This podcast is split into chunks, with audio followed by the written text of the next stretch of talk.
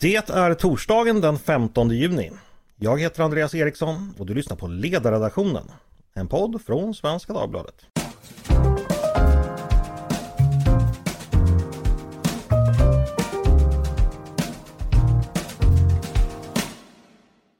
Varmt välkomna till oss igen. Hoppas ni mår bra. Idag har jag med mig en alldeles särskild gäst här i podden. Välkänd för de flesta som lyssnar som brukar följa med vad som händer på sidan. Journalist, författare, aktivist och också biståndsarbetare. Varmt välkommen hit, Nori Kino. Tack, tack för inbjudan. Du, nu räknar jag upp några av de här eh, rollerna du, du, du arbetar och verkar i. Vad, vad är du främst idag skulle du säga? Eller är du alla på en gång? Alla på en gång och sen en åt gången beroende på vad jag gör för dagen. Om jag delar ut mat i något land eller om jag organiserar eller deltar i en internationell konferens om förföljelse och eller bistånd eller om jag skriver. Och ibland så gör jag minigräv. Jag, jag har ju varit undersökande journalist i ja, över två decennier så det lockar också. Och det, och det hör ihop, alltihopa hör ihop. Det ena behöver inte utesluta det andra. Och det är också en, en konstig, konstig eh, helt outdated, utdaterat eller vad, man, vad det heter på svenska, eh, syn på journalistiken. Att om du är journalist, då får du inte göra något annat. Nej. Eh, vem det som har kommit på det vet jag inte och det är faktiskt helt irrelevant i dessa tider. Och dessutom så har jag, när det gäller journalistiken, jag var ju många år på public service, svensk public service. Idag skriver jag åt amerikanska medier och andra länder, men också svensk, svenskan som du sa. Eh, bland annat. Och, eh, jag förstår inte och kommer aldrig förstå, vill inte förstå, att om en familj till exempel som just har flytt Ukraina med fyra barn, en mamma, en massa packning, ett husdjur. Journalisten går fram, intervjuar henne, hon förstår ingenting. Eh, för hon tror ju att han ska hjälpa henne bära något av barnen eller någonting. När han har fått sin story så vänder han sig om och går. Det mm. är inte mänskligt. Så ska det inte vara. Jag vet att det är så det ska fungera enligt vissa. Jag tycker att det där bör ändras och det nu. Men det är ganska intressant för anledningen till att folk tycker så det är ju att rollen som journalist ska då så att säga inte blandas med andra för att det riskerar att påverka journalistiken, att man blir personligen engagerad eller att man, man, man, man helt enkelt inte, man ska bara ha, ha en lojalitet. Men, men du tycker inte det, det funkar inte så i praktiken helt enkelt? Det är dessutom en myt. Det är en bluff. Det funkar inte så för vi är människor. Vi är subjektiva. Det går inte. Och sen så är det så att om vi vill upprätthålla en, en respekt för journalistiken, då måste vi också agera människor, medmänniskor. Världen förändras by the minute, förändras hela tiden nu. Och då kan vi inte sitta kvar i, i vad heter det, i, i gamla, eller vad heter det nu i gamla fotspår och tro, och tro att vi inte ska förändras. Eller att journalistiken, aktivismen, hjälparbete inte ska för, vet det, förändras. Allt är organiskt. Allt håller på att förändras och vi måste förändras med den. Oavsett vilka roller vi har. Okej, vi ska prata mer om de där rollerna. Jag tänker först du ska få berätta om din verksamhet när det gäller just då aktivism och bistånd. För du berättade för mig att du kom precis hem från Libanon i, i ja, alldeles nyligen. Vad, vad gjorde du där? Libanon som är, som många av oss känner som ett av världens mest fantastiska länder, har ju totalt kraschat. Och eh, vet inte ens var jag ska börja eller sluta, men om, om, om, om jag ska försöka återigen dag. Morgonen börjar med att jag blir upphämtad av mina kollegor, volontärskollegor.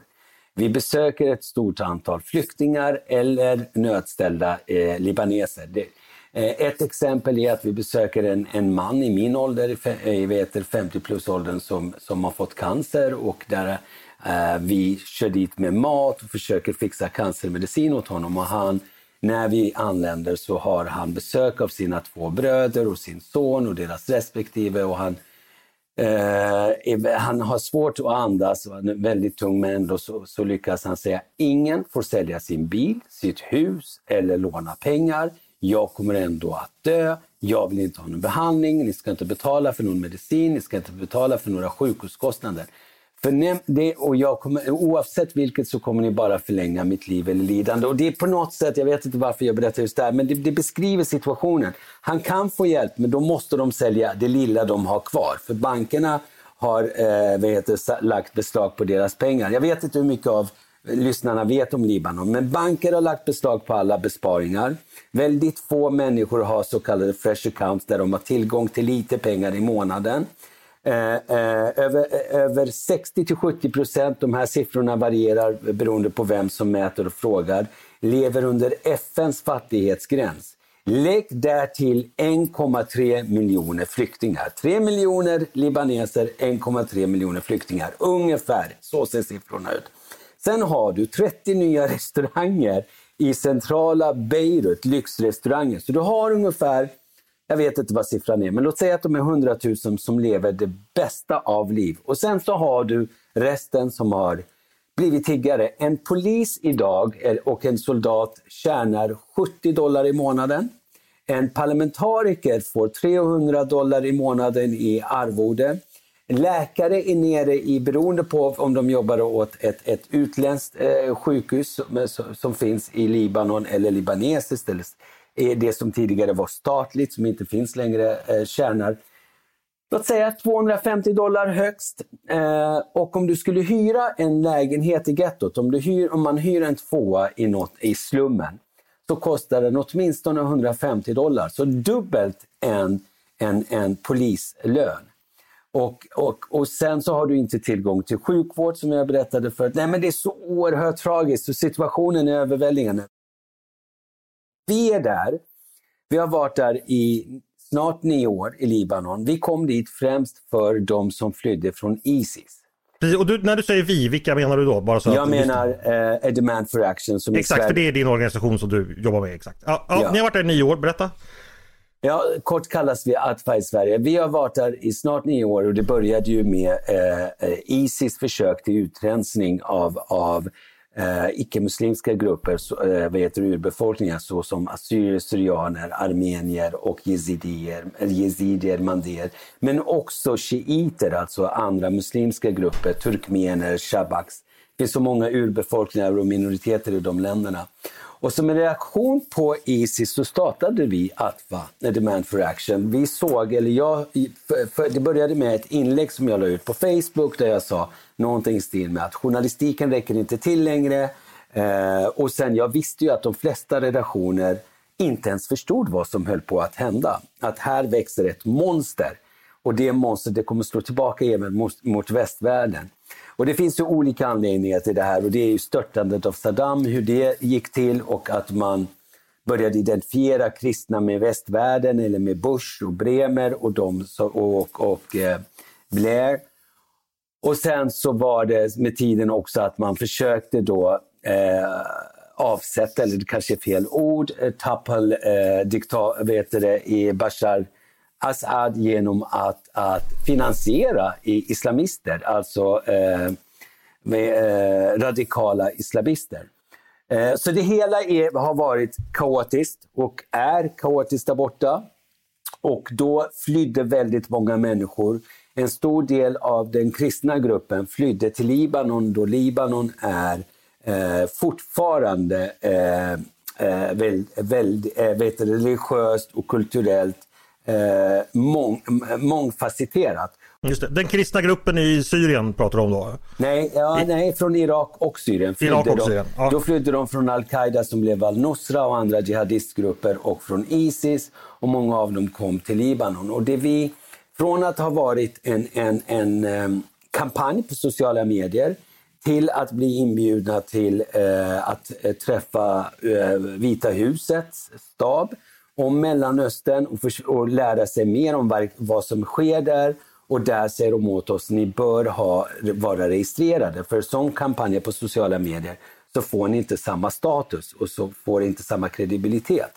Så då registrerade vi oss här i Sverige som en förening och eh, med tiden så ser vi också att bistånd når inte de här grupperna. Inte nog med att de förföljs, inte nog med att de är utsatta för ett folkmord. Ett folkmord som vi varnade för. Tyvärr fick vi fel Eh, rätt. Alltså, förhoppningsvis hade vi fått fel. Mm. Vi fick rätt. Idag är, har FN erkänt det som folkmord och eh, krigsbrott och brott mot mänskligheten. FN och många andra sådana som är amerikanska regeringen och en icke-bindande recession i Europaparlamentet eh, dessutom. Men med tiden så ser vi att de dessutom inte får hjälp. Så då skickar vi den första hjälpsändningen faktiskt från Sverige med tiotals ton eh, eh, kläder, men främst eh, sovsäckar. Just det.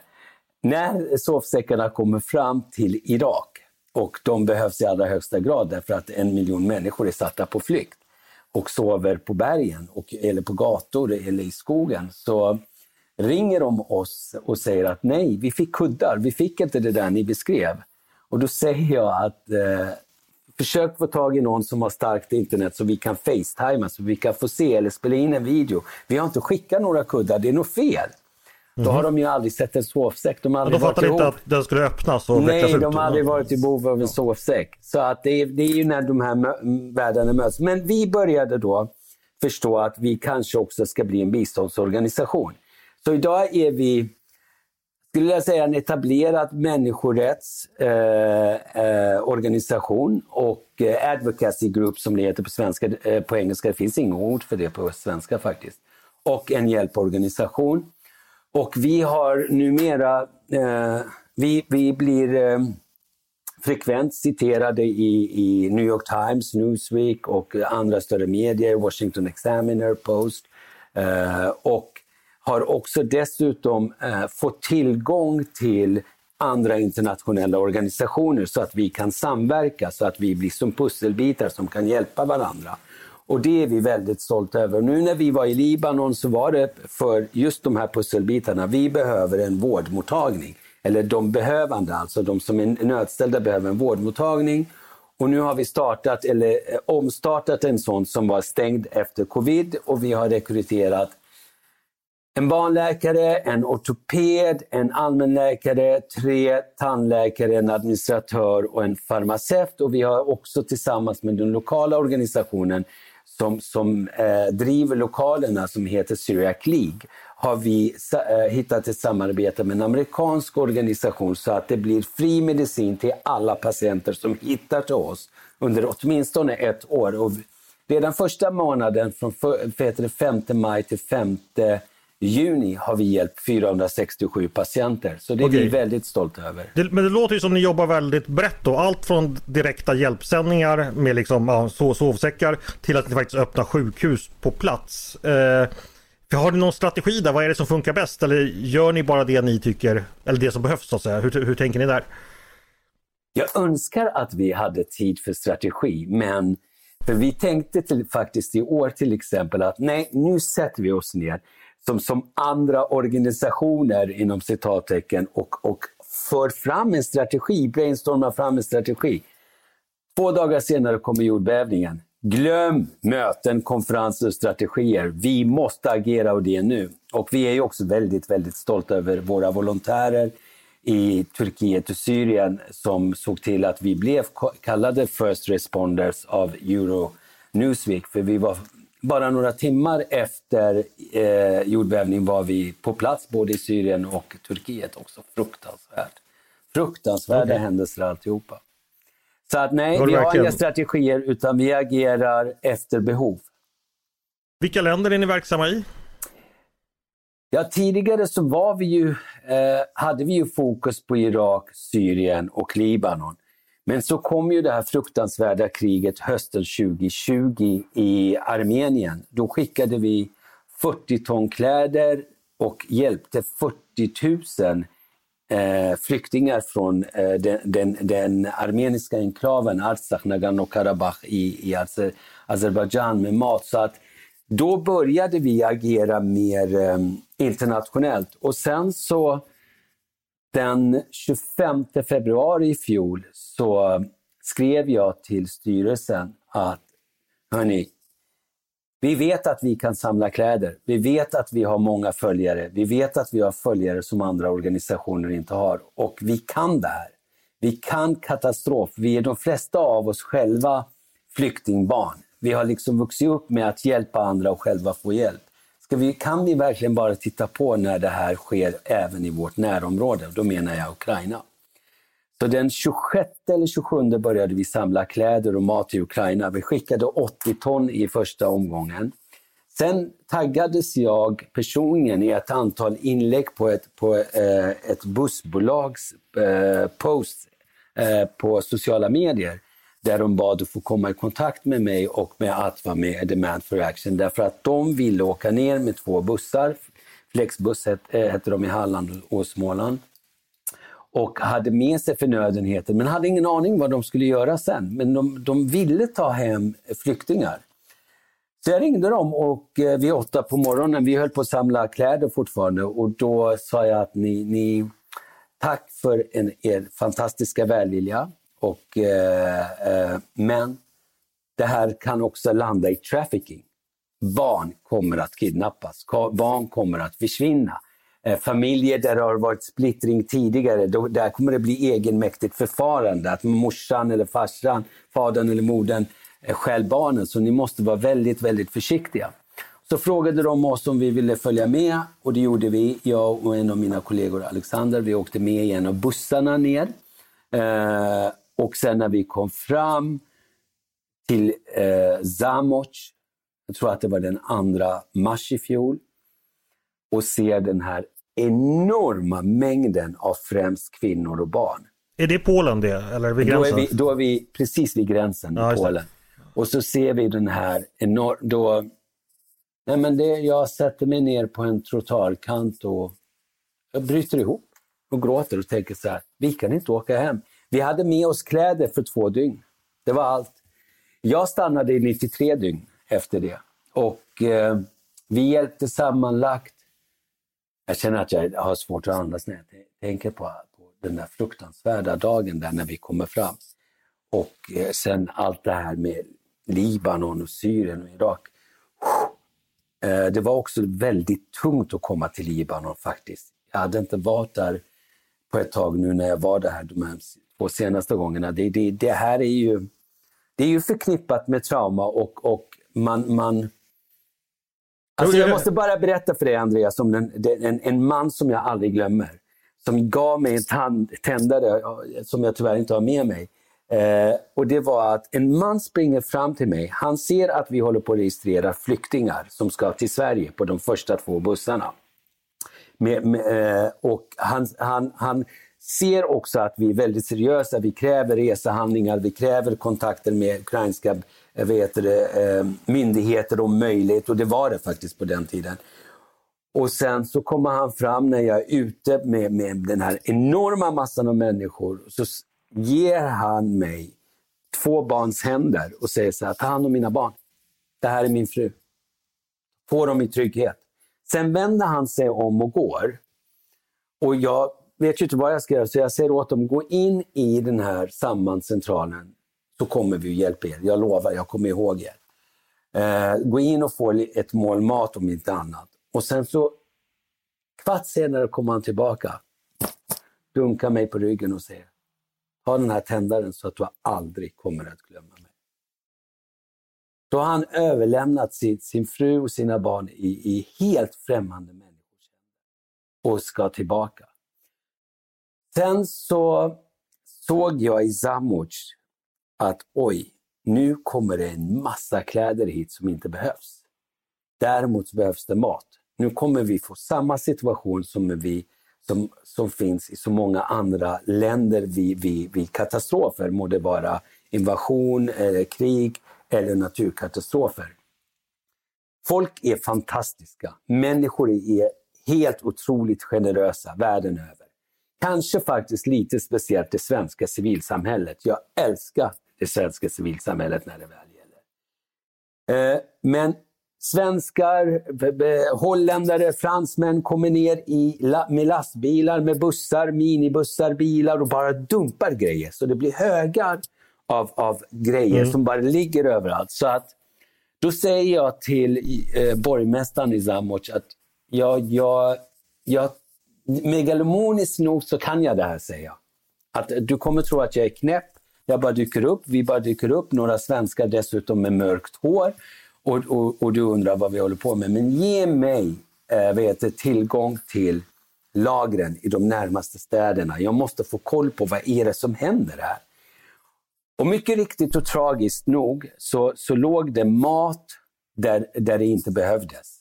Och kläder där det inte behövdes och vice versa. Så då åkte jag med ett SVT-team som skulle till, SVT-team som skulle till eh, Warszawa så att jag frågade om jag kunde få skjuts med dem upp och det fick jag. Och sen så, eh, så ringde jag till, jag ringde till eh, Newsweek eftersom jag skriver åt dem. Och Newsweek är väldigt stora i Polen Eh, och bad att få tala med chefredaktören. Och sen så hade vi en, en fika, eh, en lunch, eller tog en lunch eller fika och sen så sa jag, jag har en idé. Och jag sa att det här låter, kommer låta jättekonstigt, men jag behöver, eller vi behöver två jättehangarer eller liknande, eller idrottsarenor där vi kan sortera eh, förnödenheter som skickas ner. Oavsett vilket land de kommer ifrån, registrera, lasta av, lasta på, skicka där de behövs rätt och få hjälp av ukrainska och polska räddningstjänster med att det kommer rätt. Eh, två timmar, tolv minuter senare så ringer en kille och säger Hej, jag representerar den eh, polska regeringen och Warszawa stad. Vi vill gärna träffa dig på en gång. Då kom han till mitt hotell och en timme senare så hade vi de här två jättehangarerna, eh, militäranläggningar, där det fanns hundra man på varje plats som eh, lastade av, registrerade, lastade på och skickade. Så för, på bara några veckor så hade vi hjälpt till med 500 ton förnödenheter till Ukraina och, och eh, till gränsen. Okej, okay. det, var, det var den rollen ni spelade där, alltså såg till att styra upp vid gränsen så att saker hamnade rätt eller hamnade där de, där de skulle helt enkelt. Och så hade, hjälpte vi över 3800 ukrainska flyktingar till Sverige, men också till Spanien. Okej. Är ni fortfarande verksamma i Ukraina? Ja, vi är verksamma i Ukraina så tillvida att vi hjälper FNs utredare just nu att komma i kontakt med barn som har farit illa, som, som där har varit känsligt i de värsta områdena, eller föräldrar till barn som har försvunnit. Eh, eh, och vi hjälper dem också att komma i kontakt med organisationer som hjälper barn. Så att det gör vi. Och sen de som kontaktar oss, ukrainare som kontaktar oss som vill till Sverige, de är inte många längre, men de som vill det, där ser vi till att de kommer i kontakt med sådana organisationer som Videbussarna och andra som, som fortfarande hjälper folk till Skandinavien eller till de nordiska länderna. Ryan Reynolds here from Mint Mobile. With the price of just about everything going up during inflation, we thought we'd bring our prices down. So to help us, we brought in a reverse auctioneer, which is apparently a thing. Mint Mobile unlimited premium wireless. Ready to get 30, 30, bit to get 30, bit to get 20, 20, 20, bit to get 20, 20, bit to get 15, 15, 15, 15 just 15 bucks a month. So, Give it a try at mintmobile.com/switch. slash $45 up front for 3 months plus taxes and fees. Promo rate for new customers for limited time. Unlimited more than 40 gigabytes per month slows. Full terms at mintmobile.com. Okej, okay. eh, det om Ukraina. Jag tänkte vi skulle gå vidare, eller återvända till Mellanöstern. För du har ju varit väldigt engagerad i de kristnas situation där. Vi har pratat lite om det, men översiktligt. Hur, hur är läget för de här grupperna kristna som har förföljts av Isis och bland annat eh, exempelvis. Hur, hur, hur illa har det varit och vad har folk tagit vägen och vad har hänt med dem?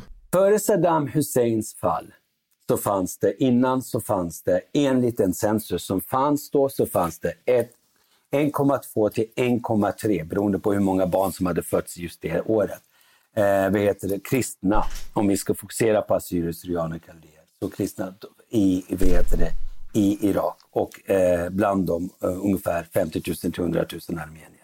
Mm. Idag är de inte ens 130 000. Mm.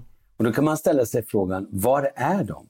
En annan fråga man kan ställa sig är, hur har Sverige mage att tvångsdeportera år efter år efter år just de här grupperna som är utsatta för ett folkmord. Men, men, eh, och sen i Syrien så varierar siffrorna tyvärr faktiskt markant. Allt från att 500 000 har lämnat Syrien till en miljon av de mm. kristna. Och de var ungefär 10 procent av Syriens befolkning, runt 2 miljoner innan. Så det är något fruktansvärt som har skett, alltså folk har dödats och fördrivits i väldigt stora mängder helt enkelt. Det kan man konstatera. Ja. Eh, och nu då? Är, fortsätter förföljelsen nu eller hur är situationen just nu? Alltså krigen har ju självklart drabbat muslimer, shia, sunni, alaviter och andra muslimer mest. Vet det, och det är ju lika beklagligt det. Men när det gäller jezidier, assyrier och, och eh, vad heter det, mandéer som är en, en, en, en helt annan också folkgrupp. Där handlar det om extinction, det handlar ju om utrotning, det handlar om att man vill, ville få dem att försvinna för alltid. Och det tragiska nu, när det har gått nio år sedan Isis framfart och sedan 2017 då de stoppades, det har ju gått fem, nu, sex år sedan de stoppades, eller stoppades, de är inte helt eh, stoppade. Men det är att kristna fortsätter att fly. Bland annat på grund av att i Irak har grundlagen, eller åtminstone lagen, eh, gjorts om så att om ett barn föds, hur ska jag förklara det här på svenska? Om ett barn föds i, i en familj där den ena föräldern är kristen och den andra föräldern är muslim, då blir barnet per automatik muslim. Kristna har förlorat rättigheten att vara på samma nivå. De är andra klassens medborgare.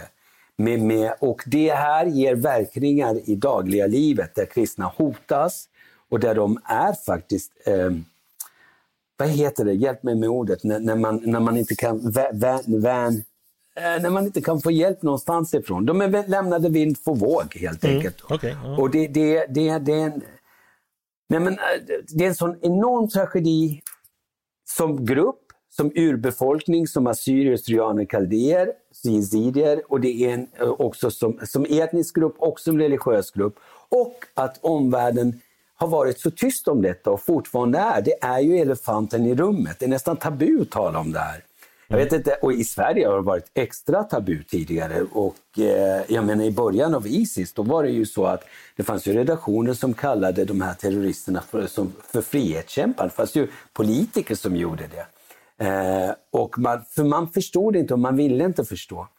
Sen är det så att det är, det är lite jobbigt att, att de kristna överhuvudtaget finns hos yazidierna. Därför att det blir lite för jobbigt att hantera, det är för, för komplicerat.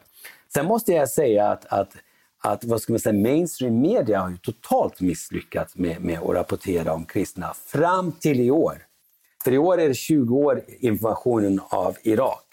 Och mm. i år har många av de här själva blivit journalister i västvärlden. Så det, i år, första gången jag som själv är journalist har jag känt, shit vilka fantastiska reportage. För de har skrivit om dem själva. Där de kan beskriva det här. Eh, och de kan göra det från, från diasporan. Där de, har, eh, där de inte behöver bli utsatta för mer våld. Ett annat problem vi hade i början och just som jag har haft i 20 år, det är att när du beskriver situationen om urbefolkningar och minoriteter, så kan de drabbas ännu värre för att någon har vågat beskriva det. Det, är mm. samma, det, det, händer eh, även nu. Men det vi, nu när vi var i Libanon jag, och, eh, och mina kollegor var i Libanon, jag vill bara göra en shout-out till världens bästa styrelse och världens bästa volontärer, för ingen av oss är avlönade eller har arvoden och alla är volontärer. Vi tjänar utan att tjäna, som en nunna sa åt oss att det heter. Men eh, då visade det sig att det har, det har använt väldigt många nya kristna familjer från hela Irak, även de kurdiskt styrda delarna i norr och ända till söder. Och vilka är de här och varför kommer det nya? Och vi, som har, vi har ju producerat äh, vet du, rapporter, äh, filmer och fått faktiskt äh, både FN och, och amerikanska, brasilianska och kanadensiska regeringen till exempel att agera. Men, men plötsligt dyker det upp nya och det är den här vardagsdiskrimineringen, att du är andra klassens medborgare. Du kan inte skydda din dotter till exempel om någon råkar bli kär i henne som tillhör en större klan. Mm. Så då, vi håller på nu, utöver att vi öppnar den här vårdmottagningen, eh, så gör vi en helt ny rapport som vi kommer att, att eh, eh, i, ett, eh, i en presskonferens i september. Alltså det kommer att publiceras då. Vi gör en ny film. Vi är inbjudna till två internationella konferenser där vi också kommer att, att, eh, att det kommer att vara premiär för filmerna och vi kommer fortsätta att ge ohörda en röst. Jag tänkte vi ska hinna gå vidare för det är några andra saker jag tänkte också fråga om. Du skrev ju om, eh, så här skrev du, varför utvisar man folkgrupper som är utsatta för ett pågående folkmord? Det var en fråga som du ställde till den nya regeringen när du skrev på ledarsidan, jag tror det var i slutet på förra året. Eh, är det så att Sverige fortfarande utvisar folk som helt enkelt eh, riskerar att falla offer för det här folk, folkmordet? alltså fem regeringar nu på raken, fortsätter att inte agera för att stoppa utvisningarna. Jag debatterade med Tobias Billström när han var migrationsminister. Jag är sällan med i svenska medier, tror det eller ej, alltså i den formen som jag är med här nu, men jag var med i hette det Debatt i Ja. SVT med Maria Färm på Miljöpa i Miljöpartiet. Eh, där hon gick så långt som att kalla mig eh, rasist därför att då handlade det om att 30, styck, 30 000 afghaner ska få stanna i Sverige, vilket jag höll med om, men då sa jag att men, men, det är också att ställa grupp mot grupp. För Sverige utvisar yazidier och kristna till Irak. Det är fel, direkt fel, det är eh, lagstridigt och det är emot alla internationella konventioner. Men det sker Men- alltså fortfarande trots att Ja, du... och det sker fortfarande. Och jag har flera sådana. Men Jag, jag, jag, sätt, lägger jag upp ett inlägg på Facebook så kommer vi få in hundratals sådana ärenden. Men utöver det så var det ju så här, det som var ännu märkligare förra regeringen, det var att Sverige utvisar kristna till Irak. Kristna iraker som befinner sig i Sverige ansöker om asyl i Kanada och får det. Så de flygs från Arlanda till Toronto. Helt absurd situation. Och, eh, och där menar jag att, att det är faktiskt en skam. En, en, det är en historisk skam i Sverige. Jag, redan 2010 varnade vi. 2010, eller- jo, 2010 gjorde vi eh, jag tror att det var 20 inslag i Sveriges Radio, i Ekot och, och samhällsprogrammen om att Sverige utvisar de här folkgrupperna. Och då varnade eh, många experter i världen för ett folkmord. 2014, 2015 kom sen folkmordet. Det är så fruktansvärt att vi kunde ha räddat liv, men vi valde att inte göra det. Och då menar jag inte eh, du och jag, du vet, förstår vad jag menar med Nej, jag vi, jag menar absolut. Mm. Vad händer med de kristna som blir utvisade till Irak? Eh, ja, det som hände då var ju att de blev utsatta för, för, för det här folkmordet. Alltså, för en av de här killarna ringde mig från ett... Eh, ringde mig från, en kille som blev tvångsutvisad från Sverige ringde mig från en toalett och säger att Al-Qaida har just gått in i vår kyrka, de håller på att meja ner folk. Jag hör hur prästerna, två unga präster, vädjar till terroristerna, snälla, snälla, döda oss men skjut inte barn. De mejade ner eh, prästerna och barn. Och det här var en kille som var tvångsutvisad som hade kvar mitt nummer och skrev till mig, snälla, snälla ring. När Mosul äh, eh, vet, invaderades var det ännu en sån tvångsutvisad som skrev till mig, snälla, snälla ring. Isis invaderar Mosul. De flyr på nytt. Det är vad som händer. Många av dem faktiskt har kommit tillbaka till Sverige, eller en del av dem. En del av dem till och med med arbetstillstånd som de har fått från, för att folk har anställt dem. Ja okej, så inte asyl längre utan arbets, arbetskraftsinvandring. Okej. En, en del av dem. Men de flyr på nytt till många andra länder. De försvinner. En del har blivit dödade och andra är så kallade internflyktingar i, i andra delar av Irak. Eller så är de flyktingar i, i grannländerna. Du, en fråga. Du har ju besökt den här regionen flera gånger antar jag. Eh, Märks det någon skillnad eller sker det några förbättringar när det gäller just flyktingars situation och läget som du har märkt under tiden du har varit nere? Eller ja, hur, hur går utvecklingen helt enkelt? Alltså flyktingar generellt så måste jag säga att det, det, det har ju intensifierats på alla sätt på grund av jordbävningen. Mm. På alla sätt. Så att det var ju många flyktingar som drabbades, både internflyktingar och till exempel flyktingar från, alltså flyktingar från Irak i Syrien, flyktingar från Syrien i Turkiet. Så att det, det, den är värre. Den är värre. Och, men eh, jag tror på att tyvärr så har vi ju en situation i våra länder här eh, där, där, där det börjar bli väldigt, väldigt tufft. Så att, eh, och på många sätt. Så att, och det finns sätt att hjälpa på plats. Och nu vill inte jag gå in i den här diskussionen för jag är ju för asyl, 100% för asyl. Jag är ju själv ett sånt barn som fick komma till ett av världens bästa länder, i alla fall då världens bästa länder. Så det här är en väldigt känslig fråga som är så mångbottnat och kräver mycket längre diskussioner. Du utnämndes ju nyligen till biståndsdebattens mäktigaste faktiskt av Global Bar, Bar Magazine. Eh, och motiveringen stod det så här att Nouri Kino är en sann aktivist som går sin väg utanför etablissemanget och som inte drar sig för att kritisera de som styr i Sverige oavsett vilket parti de tillhör. Vad är det du brukar kritisera de som styr i Sverige för mest? Vad, vad är det du har mest problem med så att säga, hur politikerna agerar? Bagdad-bobbande. Att man, att man ser hur saker krackelerar runt omkring en men låtsas om, äh, låtsas om annat. Och sen att man inte är ärlig i debatten. Att man eh, säger en sak och gör en annan. Eh, och att man, ja, men att man inte se, vill se verkligheten. Och sen så är jag, eh, det hör egentligen inte hit, men jag är jag och många med mig, skulle jag vilja säga, är väldigt trötta på roffande. Alltså det här roffandet av, av makt, av pengar, att man ska sitta kvar i riksdagen och tjäna en massa pengar när man gjort bort sig.